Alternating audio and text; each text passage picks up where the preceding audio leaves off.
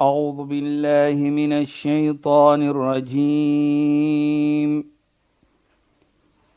بسم الله الرحمن الرحيم. اليوم أكملت لكم دينكم وأتممت عليكم نعمتي. وأتممت عليكم نعمتي ورضيت لكم الإسلام دينا. صدق الله العظيم. Assalamu alaykum wa rahmatullahi wa barakatuh. Goeienaand. Baie welkom by die program Islam in Fokus. My naam is Shahida Kali en ek gesels met Sheikh Dafir Najjar. Assalamu alaykum. Wa alaykum salaam wa rahmatullahi wa barakatuh. Luisteraars, ons gaan voort met die bespreking van die Hijra en Sheikh het nou heel wat die omstandighede waarin die profeet Mohammed sallallahu alaihi wasallam en die moslimme van daai tyd waarin hulle hulself ondervind het van onderdrukking en onregverdigheid en hartseer en seermaak.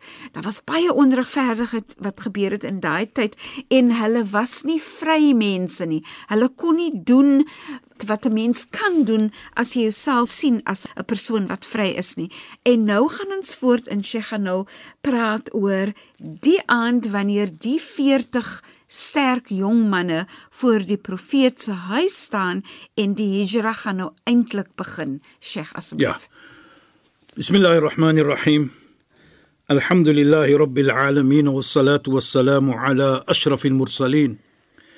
سيدنا ونبينا ومولانا محمد صلى الله عليه وسلم وعلى آله وصحبه أجمعين وبعد السلام عليكم ورحمة الله تعالى وبركاته in goeienaand aan ons geëerde en geliefde luisteraars.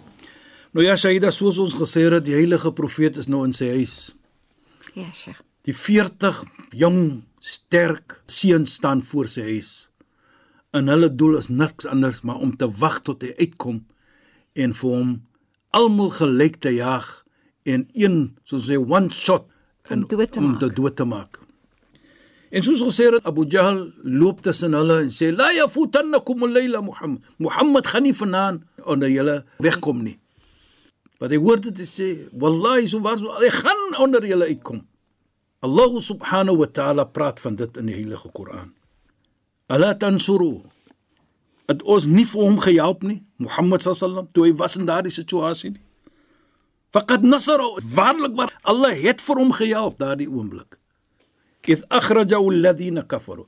Daardie mense wat vir hom verstoot het, wat vir hom mishandel het, wat vir hom uitgegooi het uit sy geboorteplek. Allah praat van dit in die Koran.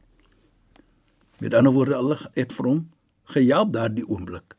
Ja, Sheikh. Maar wat belangrik is, die heilige profeet kom nou uit sy huis het onthou het vir Sayyidina Ali gesê, bly jy in my huis?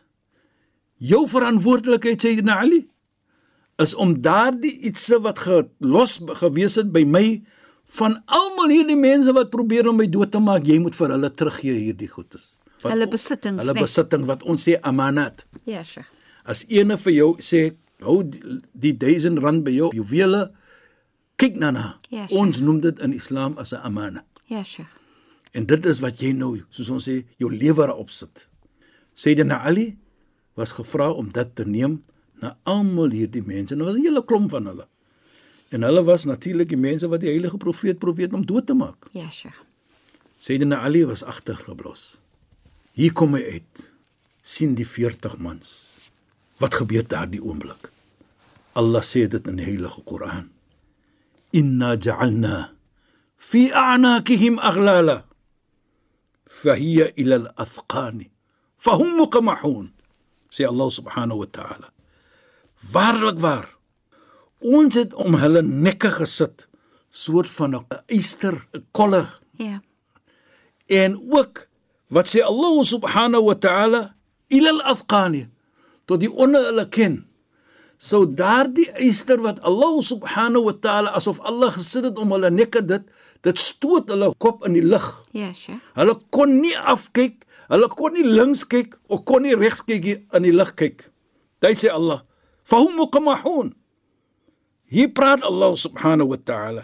Hulle kop is in die lig. So hulle kan nie afkyk nie. Kom, en dan sê Allah subhanahu wa ta'ala, "Waja'alna min bayni aydihim sadda wa min khalfihim sadda." En ons sit 'n skerm voor hulle en 'n skerm agter hulle. Dan sê Allah subhanahu wa ta'ala, "Wa akhshaynahum." En soos ons sê, we covered them. Hulle was toegegooi by asies. En dan sê Allah, "Fahum la yubsirun." Kyk hoe praat Allah, en hulle kan ook nie sien dan nie. Subhanallah. Die Koran skets vir ons daardie situasie. Daardie tyd wat dit gebeur het, demonstreer vir ons inna Allah ala kulli shay'in qadir. Waarlik waar Allah is kragtig oor alles. En ook soos ons gesê het 2 3 weke terug Shaida en luisteraars dat Allah subhanahu wa ta'ala het die onmoontlikheid moontlik gemaak. Daardie 40 sterk jong mans kon niks gedoen het nie. En die mooiheid vir my hier Shaida en luisteraars is wat toe Abu Jahl terugkom weer, daardie oomblik was Abu Jahl nie daar nie. Onthou Abu Jahl het gesê, "Moenie laat Mohammed vir julle Ja, sure. weghardloop vanaand nie." Hy kom toe terug en hy sien die huis se deur is oop. En hy gaan daarin en hy sien nie vir Mohammed nie. En hy kom terug en hy sien nog hierdie jong seun staan nog almal daar. En hy skelm met hulle soos ons sal sê en hy sê Mohammed is weg. En die mooiste van alles toe hulle soos hulle sê wakker skrik, toe het hulle nog stof op hulle kop, want die heilige profeet het van Mekka se dinge en so gegooi op hulle toe daar stof op hulle kop. Wow, Sheikh. Huh? En wat vir my uitstaan vandag, dit is vir my 'n fantastiese hmm. gebeurtenis wat vir mense herinner aan Eerstens, en Sheikh het dit paar weke gelede gesê Ja. dat Allah sê Julle het my nodig so vra vir my en en weer eens het die profeet Mohammed Sallallahu alaihi wasallam. Gedemonstreer of gewys hoe hy vir Allah vra. Hy sweer by Allah, Allah gaan my help, sê ek vra vir Allah. presies. En dis 'n herinnering aan ons nie as ons in 'n situasie is waar ons onderdruk word en so aan. Eerstens ons moet probeer in 'n plan maak om daar uit te kom, natuurlijk. maar ons moet glo en aan Allah se hand vashou. Presies. Nee. Jy weet Shaida, wat so mooi is vir my hier. Moet nooit hoop opgee met Opgee ander nie. Dit Inderdaad. maak nie saak. Kyk, daar het hulle probeer, hulle hulle gaan die profeet doodmaak. Ja, sure. Allah het vir ons gedemonstreer. Allah se krag is bo die krag van mens. En hier sien ons dan dat as ons mens se gedagtes hier moet dit was onmoontlik vir Mohammed om weg te gekom het. Maar Allah het vir jou gewys. Allah kan dit doen. Die onmoontlik was moontlik gemaak. Ja, sure. Jy weet, as ons dit nou sien en ons sien dan hoe ons moet hoop het in Allah. En nou kan ons sien wat ons gesê het 3 weke terug as ek nie 'n foutjie begaan nie. Wat die heilige profeet sê al-amal rahmatu li ummati. Hoop is 'n groot genade vir my gemeente. Nou ons moet altyd hoop, maar in 'n positiewe iets. Nie net sit terug en hoop nie. Ons moet iets doen. Ons praat nou van hoop. Dit herinner vir my van Sayyidina Hajar. Inderdaad, Sheikh. Daar die storie van Sayyidina Hajar kom nou Inderdaad. voor my. Want hoe kom dit ook gebeur in Mekka Ja. waar 'n man Nabi Ibrahim, profeet Abraham, sy vrou Hajar en as in die seentjies Nabi Ismail gelos het in Mekka. Toe hy hy praat niks. Dat ek net skets daardie storie want dit is so toepassing. Ja, Sheikh. dat en hy loop sy hart loop agter hom en sê vir hom atatrukna fi wadin ghayra dhi zar'in gaan jy vir ons hier los? Daar's niks nie niks plantasies nie niks. Hy loop hy praat nie. Drie keer sê sy sê dit. Die derde keer toe besef sy dis nie my man nie. My man is die ene wat so doen nie. Toe ver- besef sy iets en sy vra vir hom Allahu amraka bi hada? Het Allah vir jou beveel om dit te doen? Toe dreig hy om. Kyk net En hy sê naam, Allah amarani bidhalik. Ja, Allah het my beveel om dit te doen. Toe wat sê sy? Kyk net die hoop wat sy demonstreer as 'n vrou in Allah subhanahu wa ta'ala. idan la yudayyana.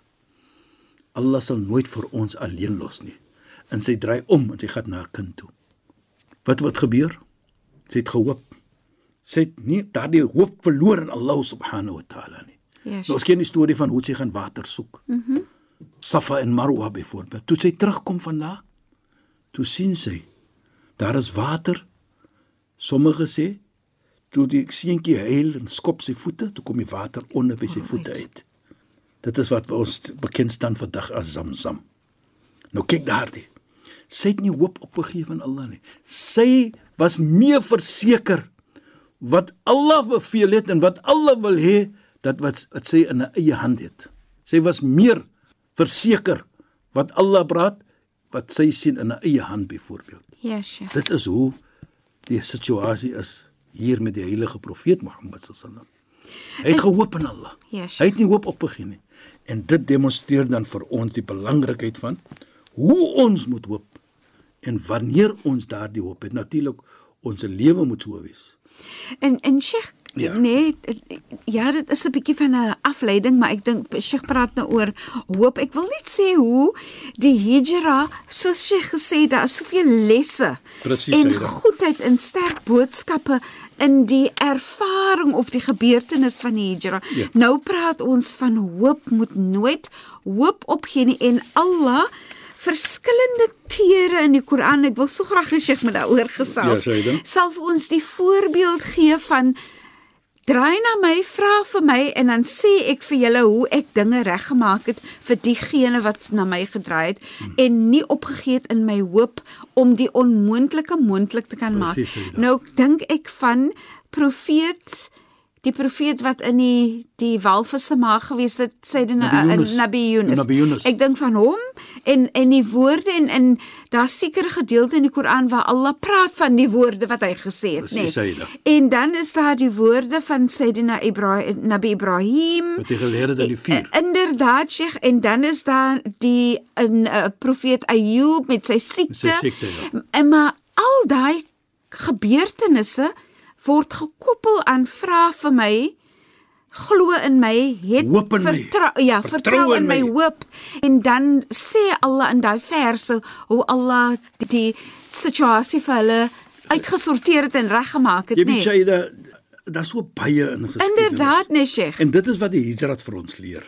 ja En, pragtig en en later sal ons sien Shaida 'n versie wat afgekom het terwyl die heilige profeet was op sy reis na Madina toe. Van waar Allah praat van uh, stede of uh, villages wat sterker was as Mekka wat hy ver, vernietig het. ja Sheikh Maar ons sal later praat van dit. Ja. Maar die geskiedenis wat jy praat van Nabi Yunus, Nabi Ayyub, Nabi Ibrahim, daardie gebeurtenis demonstreer vir ons moet Die nooit hoop. hoop opgee nie. moet nooit hoop. Ek Jy weet, dink herinner van my, eh, van profeet Zakaria ook moet nooit hoop opgee jy in die kinders. En hoe oud was hy? Nee, ja, Sheikh, nee. Tot na profeet Abraham. Hoe oud was hy? ja, bly hoopvol in Allah se genade. En Allah het vir hulle begin.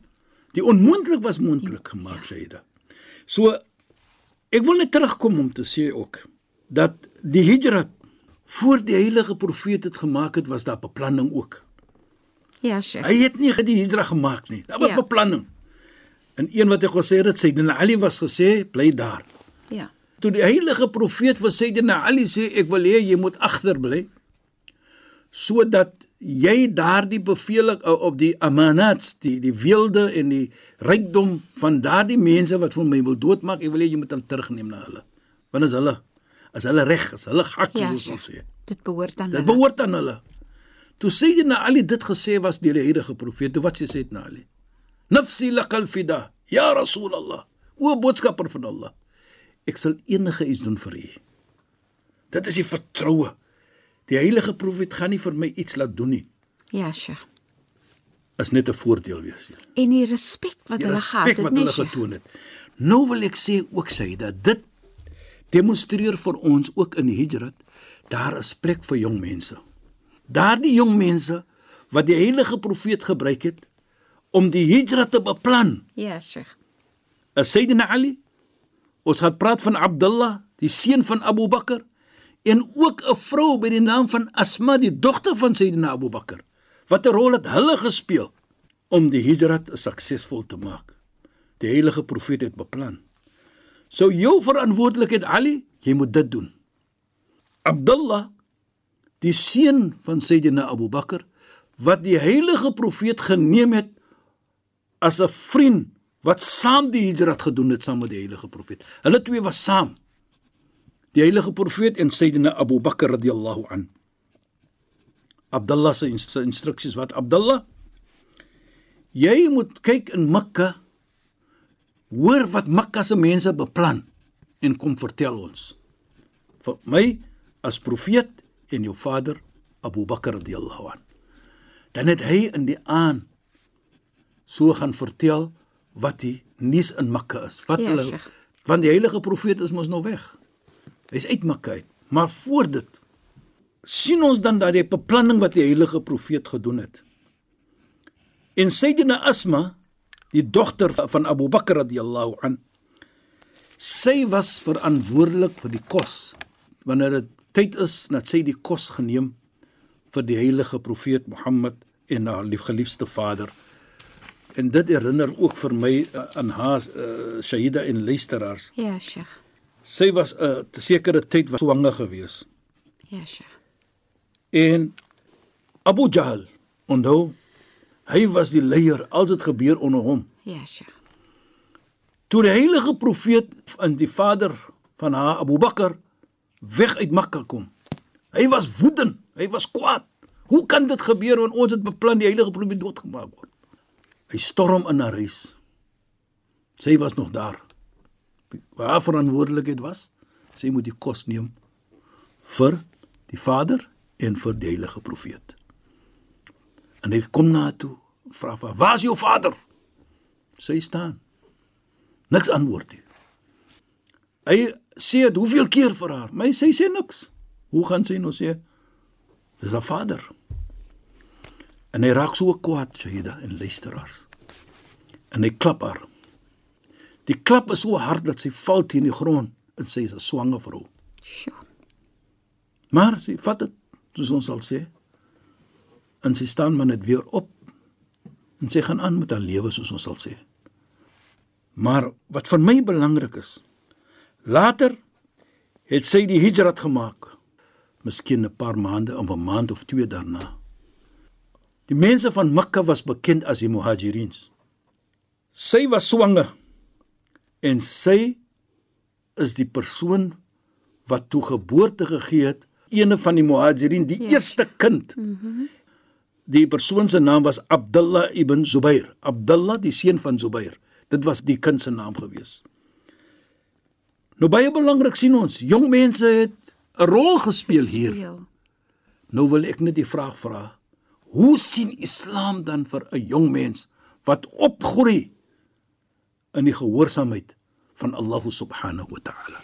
Die gesprek is so pragtig, ja. Sheikh.